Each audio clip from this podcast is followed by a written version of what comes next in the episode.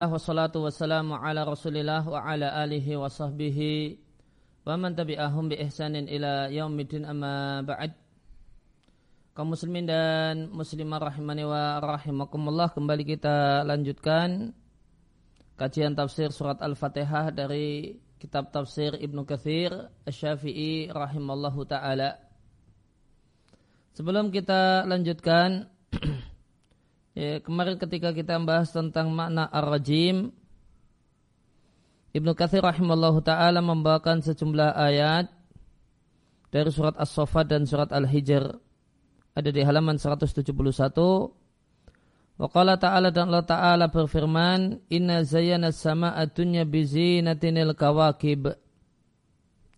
Sesungguhnya kami hiasi langit dunia dengan hiasan berupa bintang-bintang wa hifdhan min kulli syaitanin marid menjaga dari semua setan yang beling dan kurang ajar.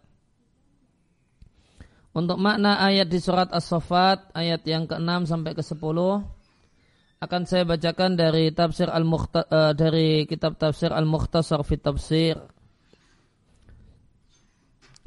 Di Al-Mukhtasar fi Tafsir disampaikan sesungguhnya kami perindah langit yang paling dekat dengan bumi dengan dengan hiasan yang indah itulah bintang-bintang yang dalam pandangan orang dia adalah sebagaimana permata yang berkelip-kelip.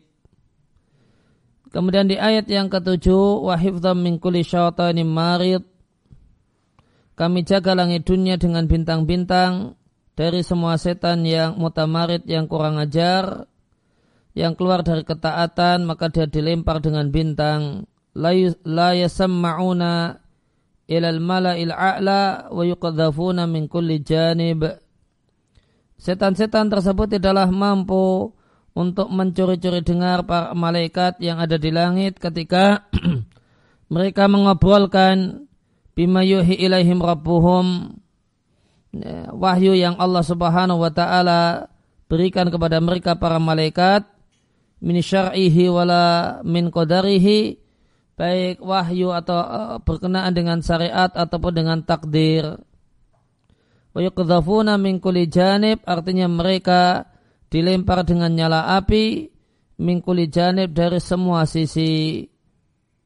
Duhuran, duhuran maknanya tordan lahum wa ib'adan anil istima'i ilaihim untuk mengusir mereka dan menjauhkan mereka para setan sehingga tidak bisa mendengarkan malaikat. Walahum adabu wasib dan bagi mereka di akhirat siksaan wasib maknanya mu'limun daimun la yang qati'u yang menyakitkan terus menerus dan tidak pernah terputus. Ila man khatifal khatfata fa'adba'ahu shihabung thaqib kecuali orang yang disambar oleh sesuatu yang menyambar. Ya, atau menyambar dengan satu sambaran lantas dia pun diikuti oleh nyala api yang menembus. Maknanya kecuali setan yang berhasil sekali mencuri dengar dan yang dimaksud sekali mencuri, mencuri dengar adalah kata-kata yang diobrolkan oleh para malaikat wayadur bainahum yang terjadi di antara mereka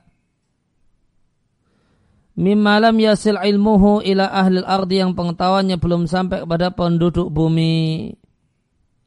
Nah, jika ada uh, satu setan yang berhasil uh, menyambar sekali sambaran yaitu sekali mencuri-curi dengar, maka dia akan diikuti dan dikejar oleh nyala api mode yang bercahaya yang membakarnya. Ya, sihabun nyala api sakib dimaknai dengan mudion yuhariquhu. Ya, bercahaya yang membakarnya. Dan boleh jadi setan ini berhasil menyampaikan kata-kata tadi ya, kepada dukun sebelum dia dibakar oleh nyala api atau kemudian bisa jadi setan tadi berhasil menyampaikan kata-katanya kepada kawannya sebelum dia dibakar oleh nyala api akhirnya kata-kata tersebut sampai kepada dukun lantas dukun pun mencampurnya dengan seratus kebohongan. Itu surat As-Sofat. Sedangkan untuk surat Al-Hijr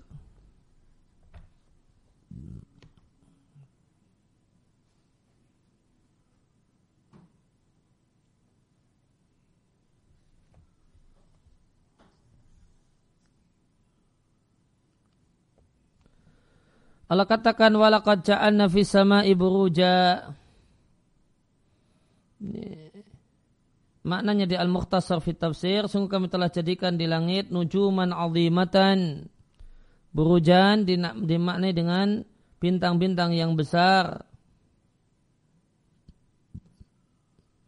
Yang ini menjadi petunjuk bagi manusia ketika safar di kegelapan daratan dan lautan wazayyannaha linnadhirin dan kami indahkan langit bagi siapa yang memandanginya dan melihatnya supaya mereka mengetahui kemahakuasaan Allah Subhanahu wa taala. Wa hafidnaha min kulli syaitanir rajim. Dan kami jaga uh, langit dari ya, min kulli dari semua setan rajim ay matrudin an rahmatillahi terusir dari kasih sayang Allah.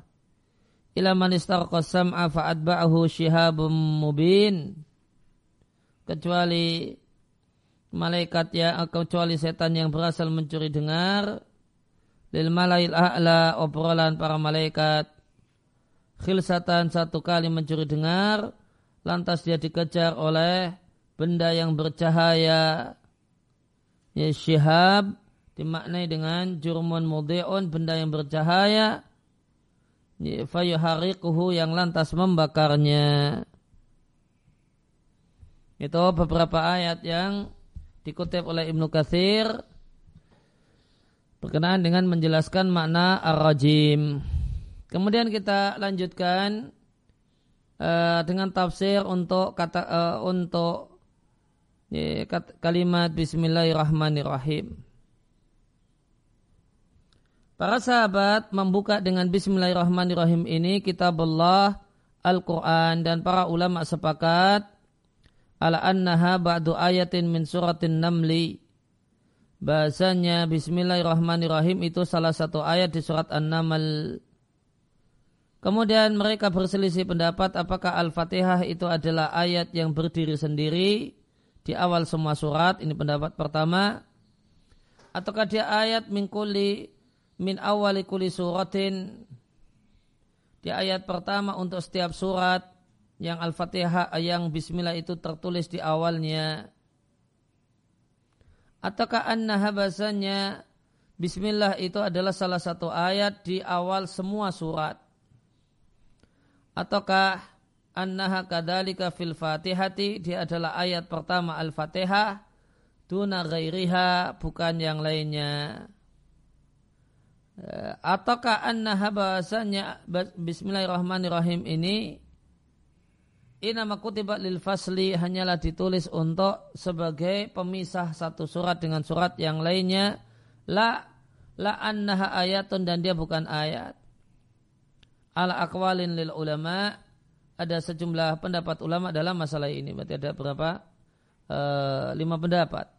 Yang pertama mengatakan dia adalah ayat Artinya firman Allah yang berdiri sendiri independen di awal setiap surat dan tidak masuk ke dalam hitungan e, jumlah ayat di surat tersebut. Dia ayat yang independen. Kemudian yang kedua, dia adalah ayat pertama semua surat yang ditulis Bismillah itu di sana. Berarti awal uh, maka di ayat pertama semua surat kecuali at-taubah. Pendapat yang ketiga, dia adalah ayat pertama ya semua surat. Termasuk surat At-Taubah. Ada basmalahnya. Pendapat yang keempat, dia adalah ayat pertama Al-Fatihah. Ini, namun bukan ayat pertama untuk surat-surat yang lain. Pendapat yang kelima, dia bukan ayat. Dia bukan bagian dari ayat, cuma ditulis untuk sebagai pemisah antara satu surat dengan surat yang lain. Dan pendapat ini salafan wa khalfan ya, ada di kalangan para ulama salaf dan ulama khalaf. Dan lima pendapat ini itu mabesutun dirinci panjang lebar di tempat yang lainnya. Dalam Sunan Abi Dawud kata Ibnu Katsir dengan sanad yang sahih dari Ibnu Abbas, Rasulullah Shallallahu Alaihi Wasallam tidak mengetahui pemisah antara surat sampai turunlah pada Nabi Bismillahirrahmanirrahim. Hadis ini juga dikeluarkan oleh Al-Hakim Abu Abdullah An-Naisaburi dalam Mustadrak dan diriatkan secara mursal dari Sa'id bin Jubair.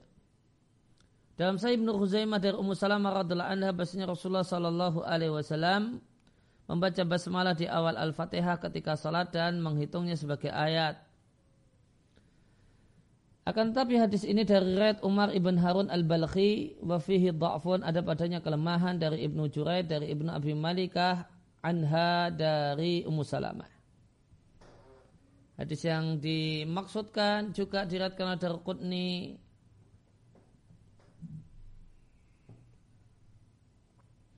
dan Darqutni juga meriatkannya meriatkan mutabiknya penguatnya dari Abu Hurairah marfu'an. Dan diriatkan semisal itu dari Ali ibnu Abbas dan yang lainnya. Dan di antara ulama yang eh, hukiya anhu dihikayatkan darinya, dihikayatkan darinya artinya uh, sanat ke sampai beliau belum diteliti. Dihikayatkan darinya bahwasanya basmalah adalah ayat di setiap surat kecuali surat atau atau surat baroah. Ini dihikayatkan adalah pendapat Ibnu Abbas, Ibnu Umar, Ibnu Zubair, Abu Hurairah dan Ali dari kalangan tabi'in Atta bin Abi Rabah, Tawas bin Kaisan al-Yamani, Sa'id bin Jubair, Makhul, ya, Ibnu Syihab Az-Zuhri, Wabi dan inilah yang menjadi pendapat Abdullah bin Mubarak, Asy-Syafi'i, Ahmad bin Hambal di salah satu pendapatnya, Ishaq bin Rahawai, Abu Ubaid Al-Qasim bin Salam, rahimahumullah. Ya, maka pendapat Al-Imam Syafi'i, di sini kata Ibnu Katsir, pendapat Al-Imam Syafi'i adalah basmalah itu ayatun min kulli suratin ilal bara'ah. Ini ayat untuk semua surat kecuali surat At-Taubah. Berarti mushaf di cetakan kita Indonesia itu penomoran ayatnya tidak pakai mazhab Syafi'i. Ini karena basmalah cuma ayat pertama untuk Al-Fatihah saja. Tidak jadi ayat pertama untuk surat-surat yang lain. Kalau di sini disampaikan pendapat Imam Syafi'i annaha ayatun min kulli suratin ilal bara'ah. Sedangkan Imam Malik dan Abu Hanifah serta ashab keduanya Malikiyah dan Hanafiyah mengatakan Basmalah bukanlah ayat dari Al-Fatihah, bukan pula surat-surat yang lainnya. Dia adalah satu ayat independen. Nah ini yang Kemudian wakala Syafi'i Syafi'i di Fikaulin menurut satu uh, dalam satu perkataan Imam Syafi'i fi ba'di turuqi di salah satu eh, metode penyimpulan pendapat Al-Imam Syafi'i dalam madhabnya. Mengatakan basmalah adalah bagian dari ayat Al-Fatihah namun bukan bagian, eh, bagian ayat dari surat Al-Fatihah namun tidak menjadi bagian bagi surat-surat yang lainnya. Wa anhu dan dari alimah Syafi'i ada pendapat yang ketiga. Annaha bahasanya basmalah adalah salah satu adalah salah satu ayat untuk semua surat termasuk At-Taubah. Dan dua pendapat alimah Syafi'i ini menurut Ibnu Katsir Ribani bermasalah. Jadi ada tiga kutipan tentang apa pendapat Imam Syafi'i berkenaan dengan posisi basmalah. Tadi yang dianggap kutipan yang tepat yang tadi sebelumnya. Bahasanya dia adalah ayat ya, untuk semua surat kecuali surat Taubah.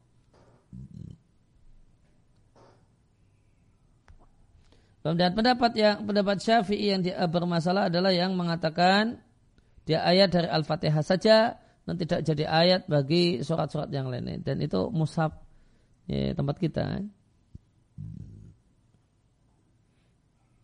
Maka ini uh, pendapat Imam Syafi'i yang kedua. Kemudian pendapat yang ketiga, ya, tadi dia adalah salah satu ayat untuk semua surat termasuk At-Taubah. Sedangkan Dawud mengatakan dia adalah ayat berdiri sendiri di awal semua surat, namun dia bukan bagian dari surat. Ini juga adalah riwayat salah satu pendapat Imam Ahmad bin Hambal sebagaimana dihikayatkan oleh Abu Bakar Ar-Razi dari Abu Hasan Al-Karhi dan keduanya adalah termasuk sahabat senior atau eh, Abu Hanifah rahimahullahu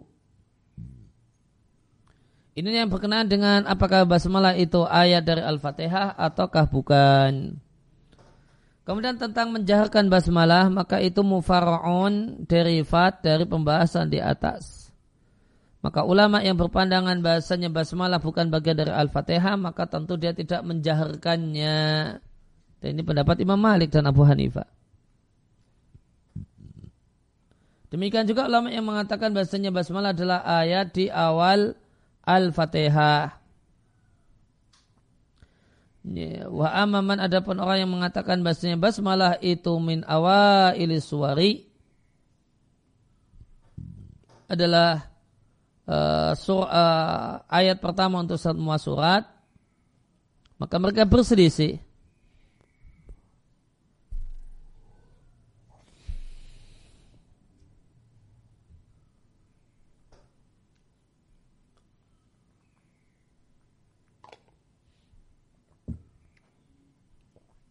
Maka ulama yang mengatakan bahwa basmalah itu adalah ayat pertama semua surat, mereka berselisih. Al-Imam Syafi'i mengatakan anau yajaharu biha basmalahnya itu dijarkan bersama Al-Fatihah dan bersama surat. Dan, maka basmalah ketika sebelum membaca surat juga dijaharkan. Ini pendapat sejumlah sahabat tabi'in dan para imam kaum muslimin, salaf dan khalaf. Maka di antara sahabat yang menjaharkan basmalah adalah Abu Hurairah, Ibnu Umar, Ibnu Abbas, Muawiyah. Demikian dihikayatkan oleh Ibn Abdul Bar, Bayhaqi dari Umar dan Ali. Dan Al-Khatib Al-Baghdadi mengutipnya merupakan pendapat Imam e, empat, khul, empat khalifah Abu Bakar, Umar, Utsman, Ali. Dan ini adalah pendapat yang aneh. Sedangkan dari kalangan tabi'in ada Sa'id bin Jubair, Ikrimah, Abi Kilabah, Azuri, Ali bin Husain, dan anaknya Sa'id bin Musayyib, Atta' Taus ibn Kaisan, Mujahid bin Jabir, Salim bin Abdullah bin Umar, Muhammad ibn Kab al-Quradi atau Muhammad ibn Ubaid, Abu Bakar ibn Muhammad ibn Amr ibn Hazm, Abu Wa'il, Muhammad bin Sirin, Muhammad ibn Munkadir, Ali uh, Ali ibn Abdullah ibn Abbas dan anaknya Muhammad, Nafi bekas budaknya ibnu Umar, Zaid ibn Aslam, Umar bin Abdul Aziz, Azraq ibn Qais, Habib ibn Abi Thabit, Abu Sya'sya, Makhul, Abdullah bin uh, Maqil ibn Muqarin. Bayhaqi menambahkan Abdullah bin Sufwan dan Mujahid ibn Hana, Muhammad ibn Hanafiyah. Ini Abdul Bar menambahi wa Amr ibn Dinar. Wal hujjatu dan dalilnya anna bahasanya basmalah bagian dari Al-Fatihah maka dijarkanlah basmalah sebagaimana bagian-bagian Al-Fatihah yang lain. Itu alasan logikanya. Wa demikian juga diatkan oleh Nasai dalam sunannya dan Ibnu Khuzaimah, Ibnu Hibban dalam saya keduanya, Al-Hakim dalam Mustadrak dari Abu Hurairah. Bahasanya Abu Hurairah salat fajar maka beliau menjaharkan fi qiraati bil basmalah ketika beliau membaca basmalah setelah dan Abu Hurairah mengatakan setelah selesai aku adalah orang yang paling sholatnya paling mirip dengan Rasulullah Sallallahu Alaihi Wasallam. Hadis ini dinesa oleh Darqutni, Al Khatib Al Baghdadi, Baihaqi dan yang lain. Diatkanlah Abu Dawud dan Tirmidzi dari Ibnu Abbas bahwasanya Rasulullah Sallallahu Alaihi Wasallam membuka sholat dengan Bismillahirrahmanirrahim. Kemudian Tirmidzi mengatakan namun sanatnya tidak begitu bagus. Dan dilihatkan oleh Al-Hakim dalam Mustadrak dari Ibnu Abbas adalah Rasulullah Sallallahu Alaihi Wasallam menjarkan Bismillahirrahmanirrahim. Kemudian Hakim mengatakan hadisnya sahih. Dalam Sahih Bukhari dari Anas bin Malik, dia ditanya tentang bacaan Rasulullah Sallallahu Alaihi Wasallam. Maka Anas mengatakan bacaan Nabi itu panjang. Kemudian beliau membaca Bismillahirrahmanirrahim. Beliau matkan, beliau panjangkan surat Bismillah. Kemudian Alhamdulillahi Rabbil Alamin.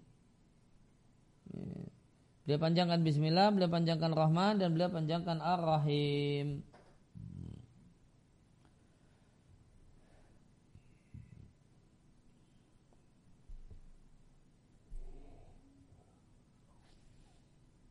Kemudian dalam Musnad Imam Ahmad dan Sunan Abi Dawud, Sa'ib bin Khuzaimah Mustaqtu Al-Hakim dari Ummu Salamah.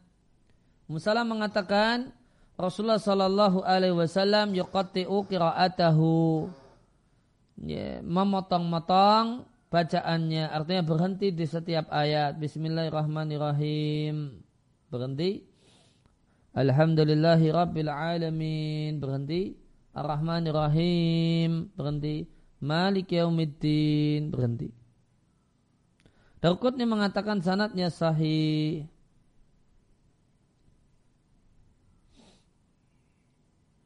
Lihat Imam Abu Abdullah uh, Abu Abdullah Asy-Syafi'i dan Al-Hakim dalam Mustadrak dari Anas ya Ana Muawiyah tasalla bil Madinah.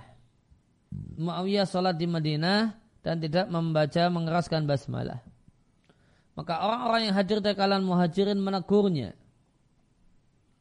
Fala masola al thaniyata sehingga ketika jadi imam di sholat yang kedua akhirnya beliau cuma basmalah membaca al basmalah dan al fatihah saja. Fi hadhihi eh, wa fil hadil ahadis wal athar dan di dalam hadis-hadis dan riwayat ulama salaf yang telah kami bawakan mencukupi dan memuaskan fil ihtijat untuk mendalili lihat al kali pendapat itu am adau dari pendapat yang lainnya.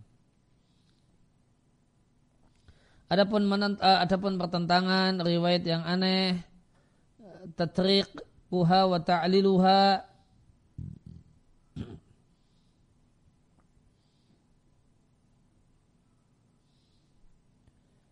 pembahasan tentang jalur-jalurnya, ilahnya, tadaifiha lemah dan tidaknya dan penjelasannya maka dia punya tempat yang lain.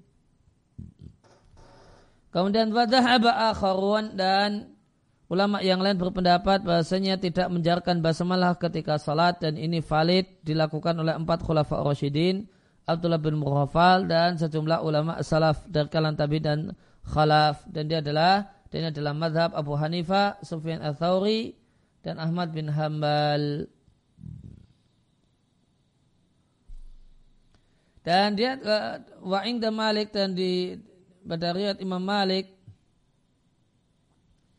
ya, maka kemudian Imam Malik tidak membaca basmalah baik dengan kuliah jahran wala sirran. Tidak membaca basmalah berkuliah sama sekali baik dengan suara yang keras ataupun lirih. Lantas mereka mendalili dengan bima fi sahih muslimin dengan hadis yang ada dalam sahih muslim dari Aisyah. Aisyah mengatakan adalah Rasulullah Sallallahu Alaihi Wasallam membuka salat dengan takbir dan membaca dengan Alhamdulillah Rabbil Alamin. Uh, fis dengan demikian juga uh, menimbang hadis yang ada dalam Sabura dan saya Muslim dari Anas bin Malik. Aku salat di belakang Nabi Sallallahu Alaihi Wasallam, Abu Bakar, Umar dan Utsman maka mereka membuka suratnya dengan Alhamdulillah Rabbil Alamin. Dalam salah satu riwayat Muslim mereka tidak menyebutkan nama Allah Ar-Rahman Ar-Rahim di awal bacaannya, tidak pula di akhirnya. Dan semacam itu dan semacam terdapat dalam sunan dari Abdullah bin Mukhafal inilah ma'akhid sisi pengambilan berbagai macam imam dalam permasalahan ini waya karibaton dan ini dekat kata Imam Mush, uh, kata Ibnu Katsir. Karena semuanya sepakat sahnya sholat orang yang basmalahnya jahar ataupun basmalahnya sir walillahil hamdu wal minnah. Maka dibawakan oleh Ibnu Katsir adanya dua pendapat basmalah itu jar atau kasir dan beliau tutup nah, ini 11 12 lah pendapat ini nggak perlu diributkan. Nah semuanya sepakat. Sahnya sholat orang yang basmalahnya jahar ataupun basmalahnya sir. Kemudian di antara faedah yang tadi kita baca hadis Ummu Salamah tentang tata cara bacaan Nabi yaitu berhenti per ayat dan ambil ayat, napas per ayat ya, maka yang lebih afdal itu berhenti di setiap ayat-ayat meskipun ayat selanjutnya masih nyambung erat dengan ayat sebelumnya. Maka yang tetap afdal itu berhenti kalau itu akhir ayat. Karena itulah cara baca Nabi Shallallahu Alaihi Wasallam. Maka bolehkah Al-Fatihah dibaca satu kali napas? Kalau boleh jawabannya boleh, asalkan tidak melanggar ketentuan tajwid. Namun yang afdal adalah mengikuti Nabi Shallallahu Alaihi Wasallam yang berhenti di setiap akhir ayat. Dan ada pembahasan tentang fadl faslun fi fadliha tentang fadl atau keutamaan Bismillahirrahmanirrahim. Maka ada bahasan cukup panjang tentang bahas cuma untuk Bismillah saja. Ini.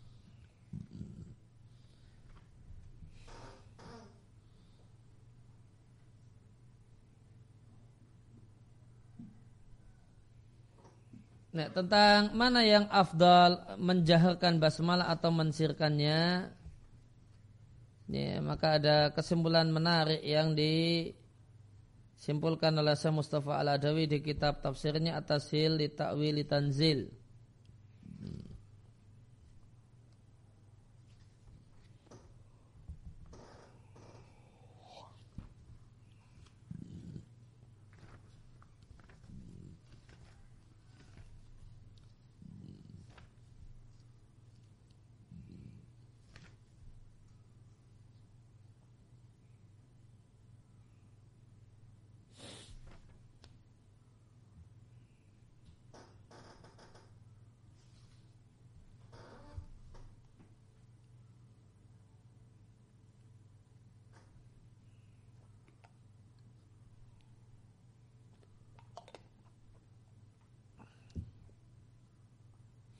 Ya, saya ingin uh, bacakan penjelasan saya Mustafa Al-Adawi tentang masalah ini menjaharkan basmalah ataukah tidak di kitab beliau Atasil li Ta'wil Tanzil.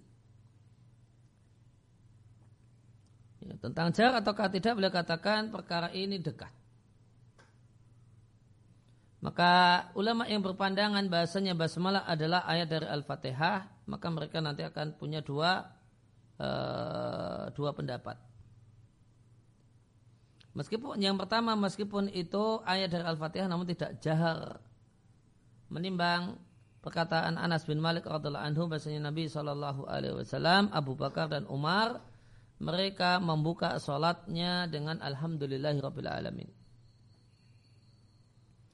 Dalam salah satu riwayat Muslim dari Anas, aku sholat bersama Rasulullah Sallallahu Alaihi Wasallam, Abu Bakar, Umar dan Utsman. Aku tidak mendengar satupun mereka membaca Bismillahirrahmanirrahim. Ini adalah dalil yang paling kuat untuk pendapat ini. Meskipun sebenarnya dua-duanya itu ya ada bantahannya. Nah, sanggahannya untuk hadis yang pertama bahasanya Nabi Abu Bakar dan Umar mereka membuka sholat dengan Alhamdulillahirabbil alamin. Itu maknanya mereka membuka sholat dengan membaca surat Al-Fatihah sebelum surat-surat yang lain. Karena yang dimaksud dengan Alhamdulillah Alamin adalah Al-Fatihah. Sehingga e, sama sekali tidaklah ada pada hadis ini menyinggung tentang meniadakan basmalah ataukah tidak.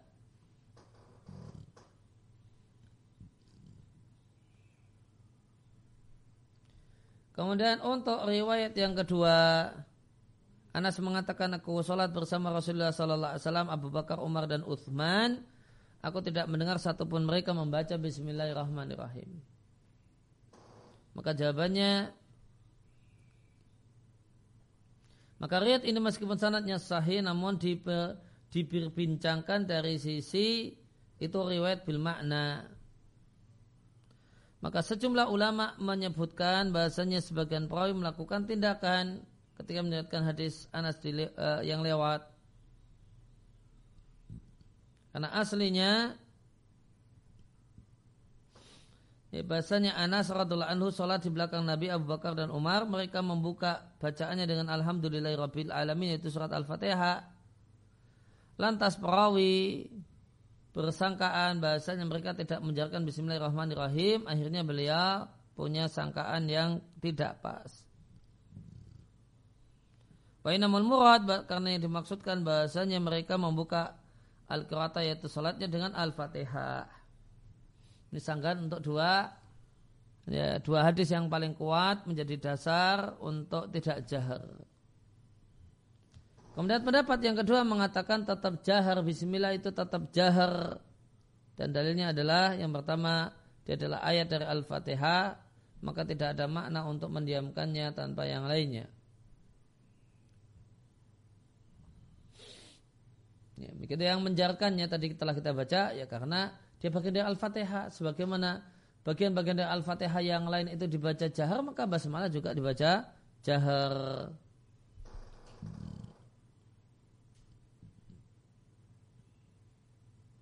Kemudian alasan yang paling kuat adalah hadis yang dilihatkan oleh Nasai dari Jalur Nu'aim ibn Mujmir.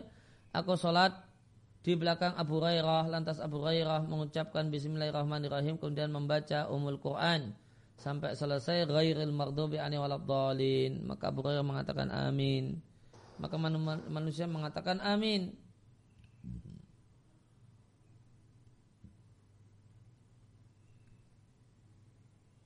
Kemudian di akhir ini Abu Bakar mengatakan demi Allah zat yang jiwaku ada di tangannya aku adalah orang yang paling mirip di antara kalian dengan salat Rasulullah Sallallahu Alaihi Wasallam. Ini alasan yang paling kuat dari pendapat yang kedua. Namun uh, hadis yang dibawakannya pun bermasalah. Ini tentang hadis Naim bin Mujmir dari Abu Hurairah maka tertangkap bahasanya yang didingkari yang bermasalah bagi Abu Hurairah sebagaimana di jalur-jalur hadis yang lainnya adalah membaca takbir. Maka orang mengatakan maha takbir ya Abu Hurairah tak Wahai Abu Hurairah, apa-apaan takbir ini? Maka Abu Hurairah mengatakan aku, adalah orang yang paling mirip salatnya dengan salat Rasulullah sallallahu alaihi wasallam.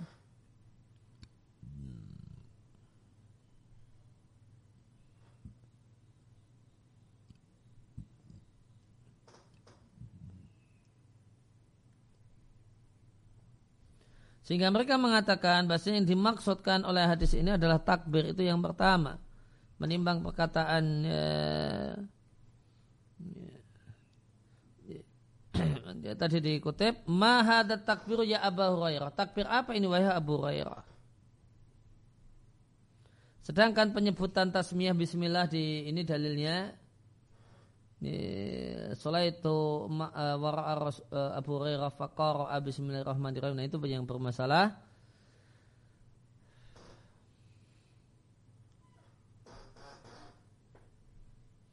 Ini bagian uh, mahada takbir ya Abu Hurairah. Wadiku tasmiyah sedangkan penyebutan Bismillahirrahmanirrahim fakariha Bismillahirrahmanirrahim Maka kalau tambahan Bismillahirrahmanirrahim diperselisihkan dari sisi ada dan tidaknya menurut secara hadis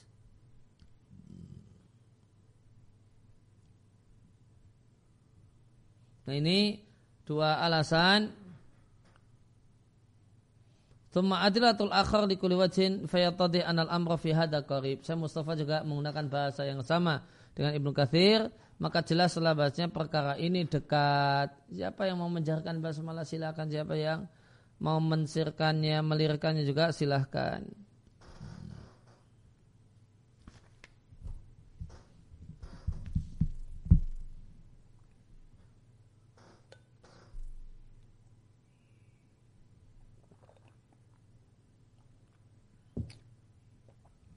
Kita kembali ke tafsir Ibnu Katsir di halaman 176 pasal tentang keutamaan bismillahirrahmanirrahim. Cukup panjang pembahasannya.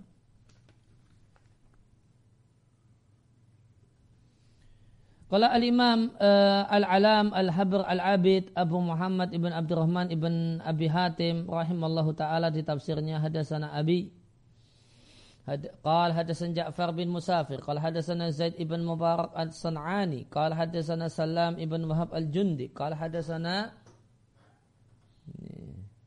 Abi Antawus an Ibn Abbas. Sesungguhnya Utsman ibn Affan bertanya pada Rasulullah Sallallahu Alaihi Wasallam tentang Bismillahirrahmanirrahim. Jawaban Rasul, dia adalah salah satu nama Allah. Tidak ada antara dia dengan nama Allah yang paling agung kecuali jarak antara gelapnya dua mata dengan putihnya minal qalb, e, minal kurbi karena begitu dekatnya. Wahakada dan demikian juga dilihatkan oleh e, Abu Bakar ibn Mardaweh dari Sulaiman ibn Ahmad dari Ali bin Mubarak dari Zaid bin Mubarak.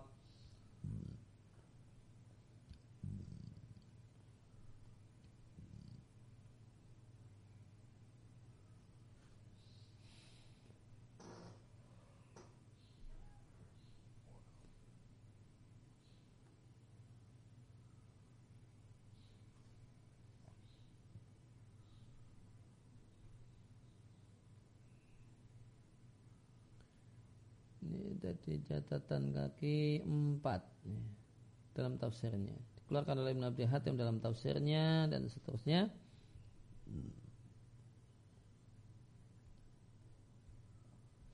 Dari jalur Ja'far bin Musafir dengan sanatnya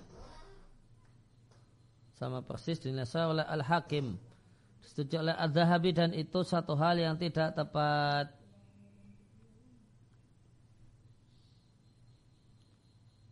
Ya, wa jumlatul kaul di catatan kaki di akhir catatan kaki wa jumlatul kaul dan kesimpulannya anna hadal hadis batilun hadis di atas adalah hadis yang batil.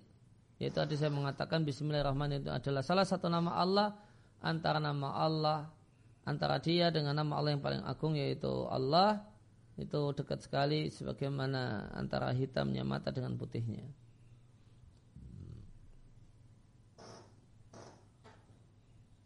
Kemudian diatkan oleh Al-Hafidh ibn Mardaweh dari dua jalur, dari Ismail ibn Ayas, dari Ismail ibn Yahya, dari Mus'air, dari Atiyah, dari Abi Mas'ud. Beliau mengatakan Rasulullah Wasallam bercerita bahasanya Isa putra Maryam diserahkan oleh ibunya untuk belajar menghitung dan menulis ke kutab ya, sejenis sekolah dasar supaya diajari.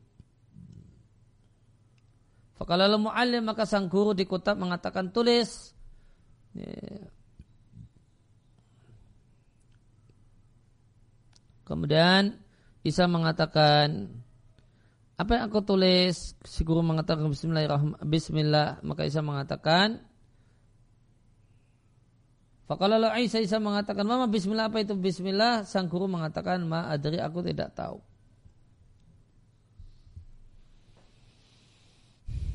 Faqala lahu Isa maka Isa kemudian menjelaskan ba bismillah baknya itu baha Allah keagungan Allah.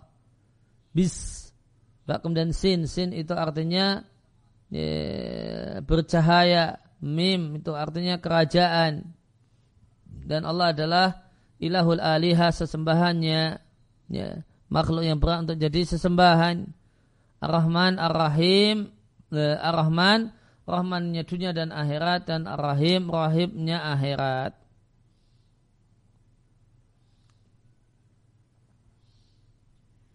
Nah hadis ini diatkan oleh Ibnu Jarir dari jalur Ibrahim bin Ala al-Malaqab bin Zibriq dari Ismail ibn Ayas dari Ismail ibn Yahya dari Ibnu Abi Mulaikah dari orang yang bercerita kepadanya dari Ibnu Mas'ud dan Mus'ir uh, dari Atiyah dari Abu Sa'id dari Nabi Shallallahu Alaihi Wasallam fadakar dengan redaksi yang kurang lebih semisal.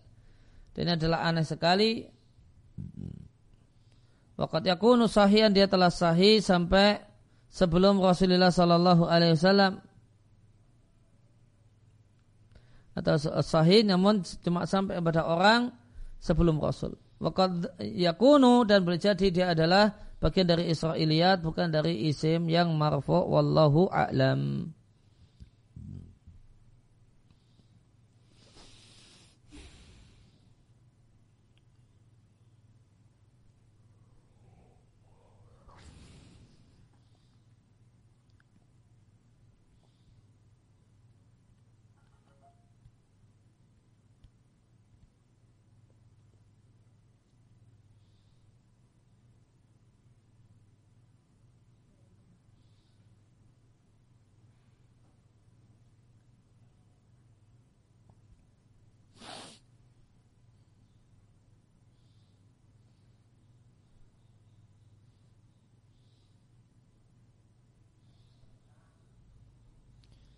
Ya, dicatatkan kaki tujuh disampaikan bahasanya kisah di atas yang benar adalah Israiliyat.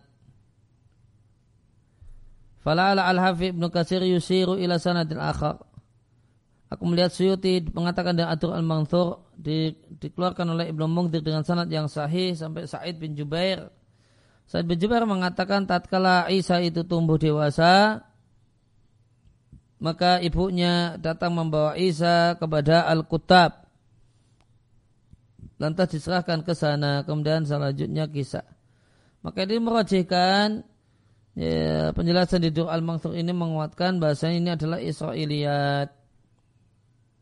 Maka benar apa yang menjadi sangkat Ibnu Kathir yang mengatakan waqat yakunu minal Israiliyat. Jadi itu adalah Israiliyat.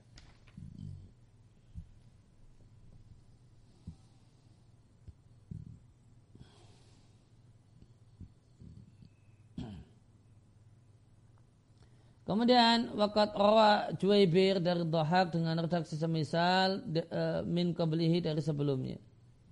Diatkan oleh Mardawah dari hadisnya Yazid ibn Khalid dari Sulaiman ibn Buraidah dalam satu riwayat dari Abdul Karim Abi Umayyah. An ibni Buraidah dari dari Ibnu Buraidah dari ayahnya bahasanya Rasulullah sallallahu alaihi wasallam mengatakan Unzilat alaiya ayatun ada satu ayat diturunkan padaku. Padahal dia adalah ayat yang belum pernah diturunkan pada Nabi seorang pun Nabi selain Sulaiman bin Dawud dan diriku yaitu Bismillahirrahmanirrahim.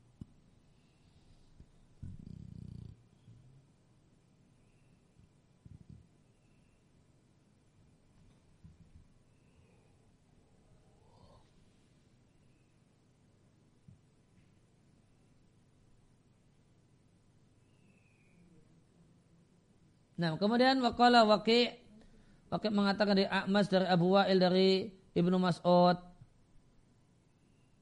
Beliau mengatakan, Ibnu Mas'ud mengatakan siapa yang Allah selamatkan dari Zabaniyah yang jumlahnya 19, maka adalah dia membaca Bismillahirrahmanirrahim. Maka Allah akan jadikan untuk setiap huruf dari Bismillah yang total hurufnya jumlahnya 19, Allah akan berikan kepadanya junatan mingkuli, mingkuli wahidin tameng menghadapi semua orang.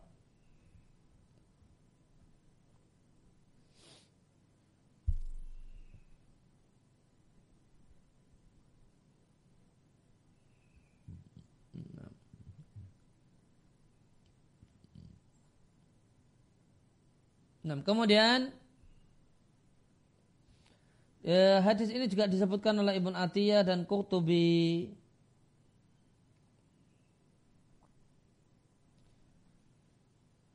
Wawajahu Ibnu Atiyah wa nadzarahu dan ini diberitahu jih arahan supaya jelas maknanya oleh Ibnu Atiyah dan nadzarahu di catatan kaki 8 nadzarahu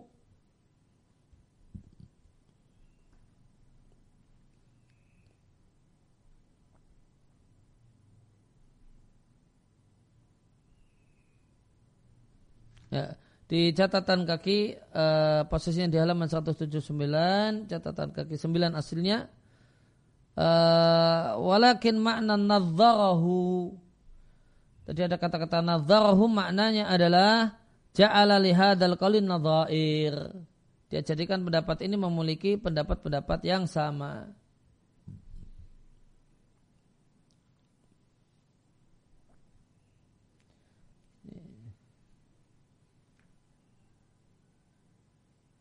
Maka disebutkan, Lakat itu aku melihat 30 sekian malaikat bersegera memperebutkannya. Di kauli rajuli demikian dikatakan, eh, demikian untuk perkataan seorang yang mengatakan Rabbana walakal hamdu hamdan kasihan taiban barakan fihi. Min dalam rangka Anah bahasanya adalah 30 sekian huruf dan yang lain.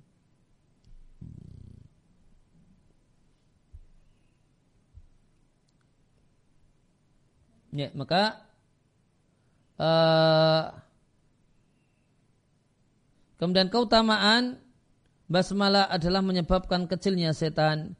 Diat Imam Ahmad bin Hambal dalam musnadnya, hadasana Muhammad ibn Ja'far, qala hadasana Syu'bah, An Asim, aku mendengar Abu Tamimah bercerita tentang orang yang dibonceng oleh Nabi Shallallahu Alaihi Wasallam. Dia mengatakan, keledai Nabi terpleset, maka aku katakan celakalah setan. Maka Nabi Shallallahu Alaihi Wasallam mengatakan, jangan engkau katakan celakalah setan. Jika engkau mengumpat-umpat setan dengan mengatakan celakalah setan, maka setan semakin besar. Kemudian dia akan mengatakan dengan kekuatanku, dengan kehebatanku. Namun jika dia mengatakan bismillah, maka dosa tersebut mengecil sehingga hanya semisal lalat. Demikian terdapat dalam riwayat Imam Ahmad. Dan lihat kalau Nasai dalam Yaumi Walailah dari Ibnu Mardawih dalam tafsirnya dari hadis Khalid ibn Hadza. Ini Hadza man asalnya tukang kayu, eh tukang sepatu. Dan ada satu hal yang unik untuk Khalid ini ya, perawi hadis yang namanya Khalid Al-Hadza itu tidak disebut Al-Hadza karena profesinya sebagai penjual uh, sepatu namun karena beliau sering dijumpai duduk-duduk di dekat tukang sepatu. Akhirnya didapat dapat gelar Al-Hadza. Khalid yang suka duduk-duduk sama tukang uh, sepatu. Dari Abu Tamimah dan dia adalah Al-Hujaimi dari Abu Malih Ibn Usama Ibn Umair dari ayahnya aku di aku dibonceng oleh Nabi Shallallahu Alaihi Wasallam. Kemudian tadi uh, celaka setan kemudian Nabi ajari. Wakal maka Nabi katakan jangan engkau katakan demikian mencaci maki setan karena dia akan makin membesar hatta yakun akal bait sampai sebesar rumah. Maka Nabi katakanlah Bismillah maka akan menyebabkan mengecil sampai uh, hatta yakuna sampai sampai cuma seperti lalat.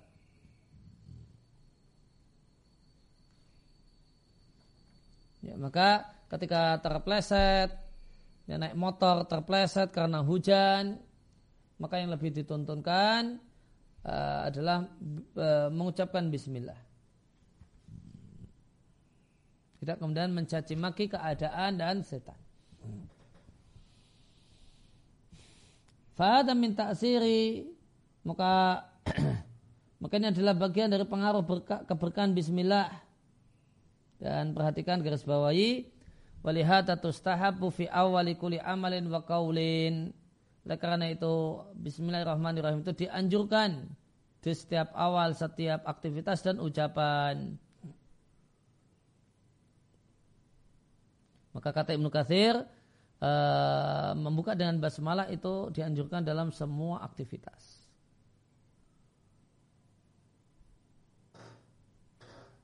Fatustahabu maka dianjurkan tuh basmalah fi aw fi awalil khutbah uh, khutbati di awal uh, di awal khutbah. Ya, kenapa demikian dibaca karena terdapat riwayat yang mengatakan setiap perkara yang tidak dimulai dengan Bismillahirrahmanirrahim maka dia terpotong. Dan kemudian akan disampaikan di sini tempat-tempat yang secara khusus dianjurkan untuk membaca Bismillahirrahmanirrahim. Waktu tahap dianjurkan basmalah ketika hendak memasuki khala. Ya, memasuki kamar mandi karena terdapat hadis dalam masalah ini. Catatan kaki Diatkan oleh Al-Ma'mari dalam Yaumi Walayla dari jalurnya Abdullah ibn Mukhtar dari Abdul Aziz ibn Suhaib dari Ana secara marfu. Jika kalian mau masuk al-khala ya tempat uh, kencing ataukah uh, bira ucapkanlah bismillahi a'udzubillahi minal khubasi wal khubusi wal khaba'ith.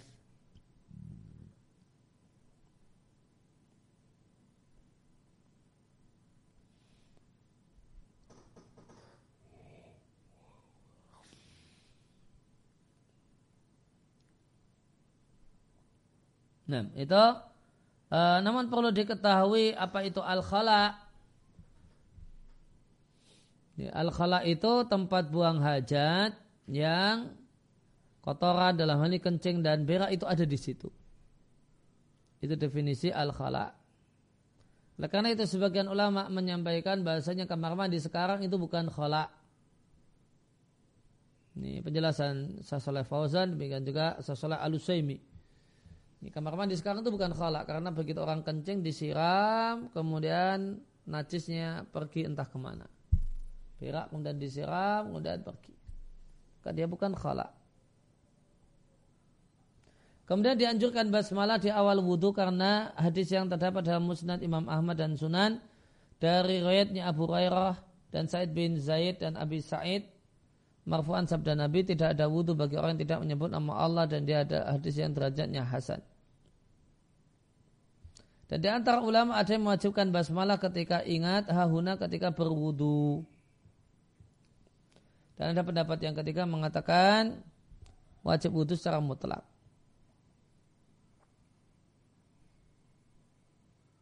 Maka kalau jumhur wudhu ketika uh, basmalah ketika wudhu hukumnya dianjurkan. Kalau Imam Ahmad dan ini resminya madhab hambali wajib membaca bismillah ketika ingat.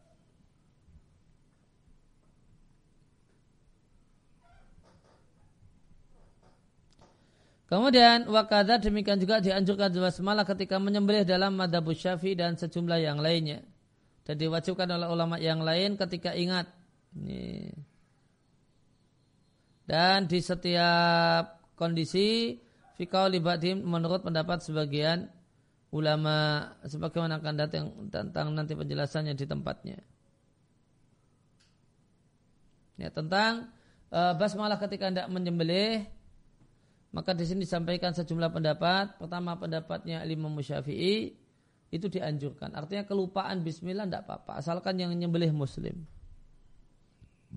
Karena bismillah itu wajib eh, ketika eh, ya karena basmalah itu dalam madhab syafi'i hanyalah mustahab.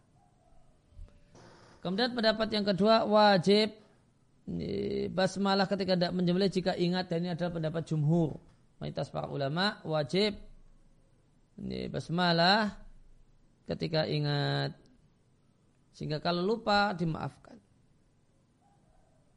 Kemudian pendapat yang ketiga mengatakan oh, bukan hanya pada saat ingat, pokoknya di semua kesempatan mutlak itu tidak dibatasi itu diwajibkan untuk membaca basmalah.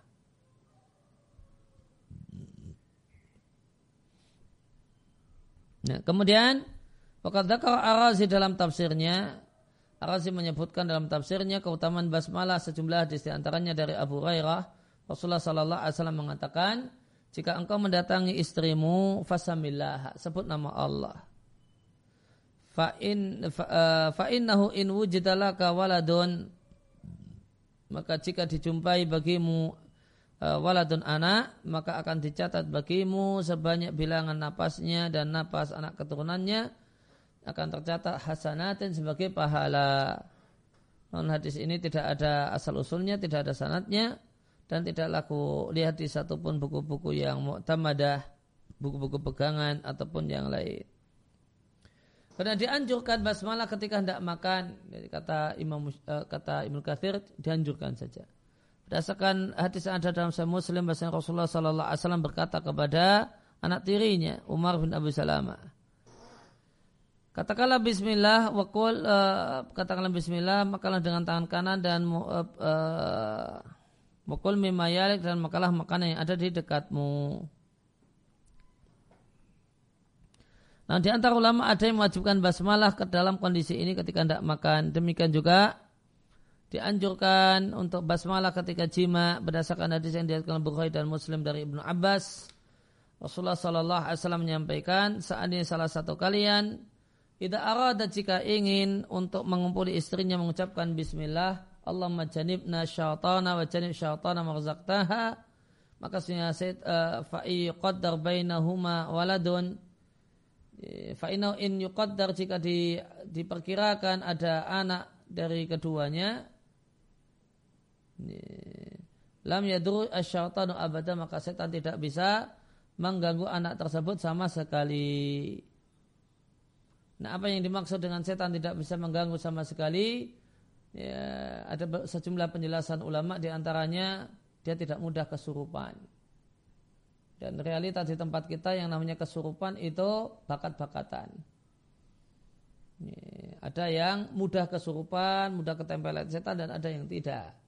Ada orang-orang yang mudah untuk melihat penampakan-penampakan dan ada orang yang ingin lihat penampakan tidak pernah lihat-lihat.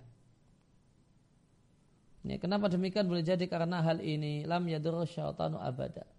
Dapat yang lain mengatakan anak itu akan terjaga dari melakukan uh, ya, Allah akan jaga sehingga dia tidak akan jadi orang yang murtad.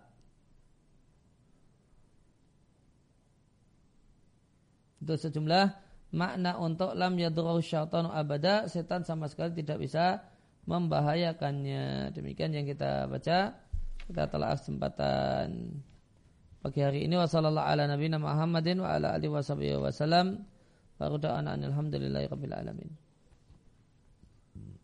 ada pertanyaan? Hah? Ada berapa? Satu. Pertanyaannya apa? Hmm.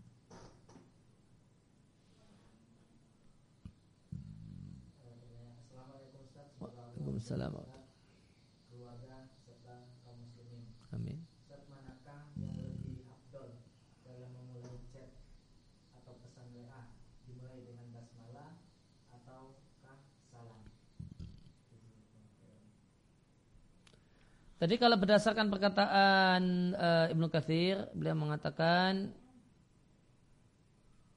walihada tustahabu fi awwali kulli amalin wa qaulin dianjurkan untuk basmalah di setiap ucapan dan satu setiap ucapan dan perbuatan. Ya, maka kalau mau lengkap ya bismillah kemudian assalamualaikum. Hmm.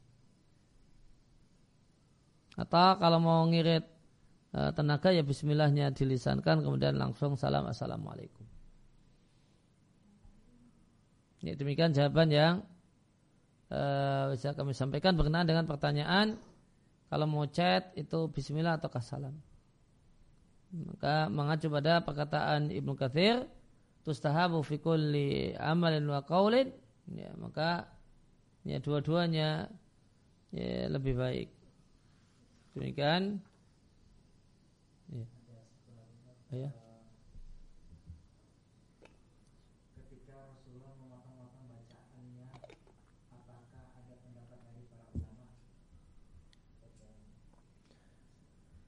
Ya, bacaan Nabi Shallallahu Alaihi Wasallam itu berhenti di setiap ayat. Ya, gimana respon para ulama dalam masalah ini? Mereka menganjurkan, menganjurkan jika seorang itu membaca Al-Quran untuk berhenti di setiap akhir ayat, meskipun ayat setelahnya itu nyambung. Contohnya surat Al-Asr. Inal insana lafi khusrin. Itu akhir akhir ayat. Sebagiannya disambung. Inal insana lafi khusrin illa ini kalau berdasarkan uh, apa yang tadi kita baca, yang lebih tepat adalah berhenti wal asri innal insana fi khusr. Kemudian baru illal ladina amanu. Itu yang lebih tepat. Sudah? Ya demikian mari kita akhiri dengan kafaratul majelis subhanakallahumma wa bihamdika asyhadu an la ilaha illa anta astaghfiruka wa atubu ilaik.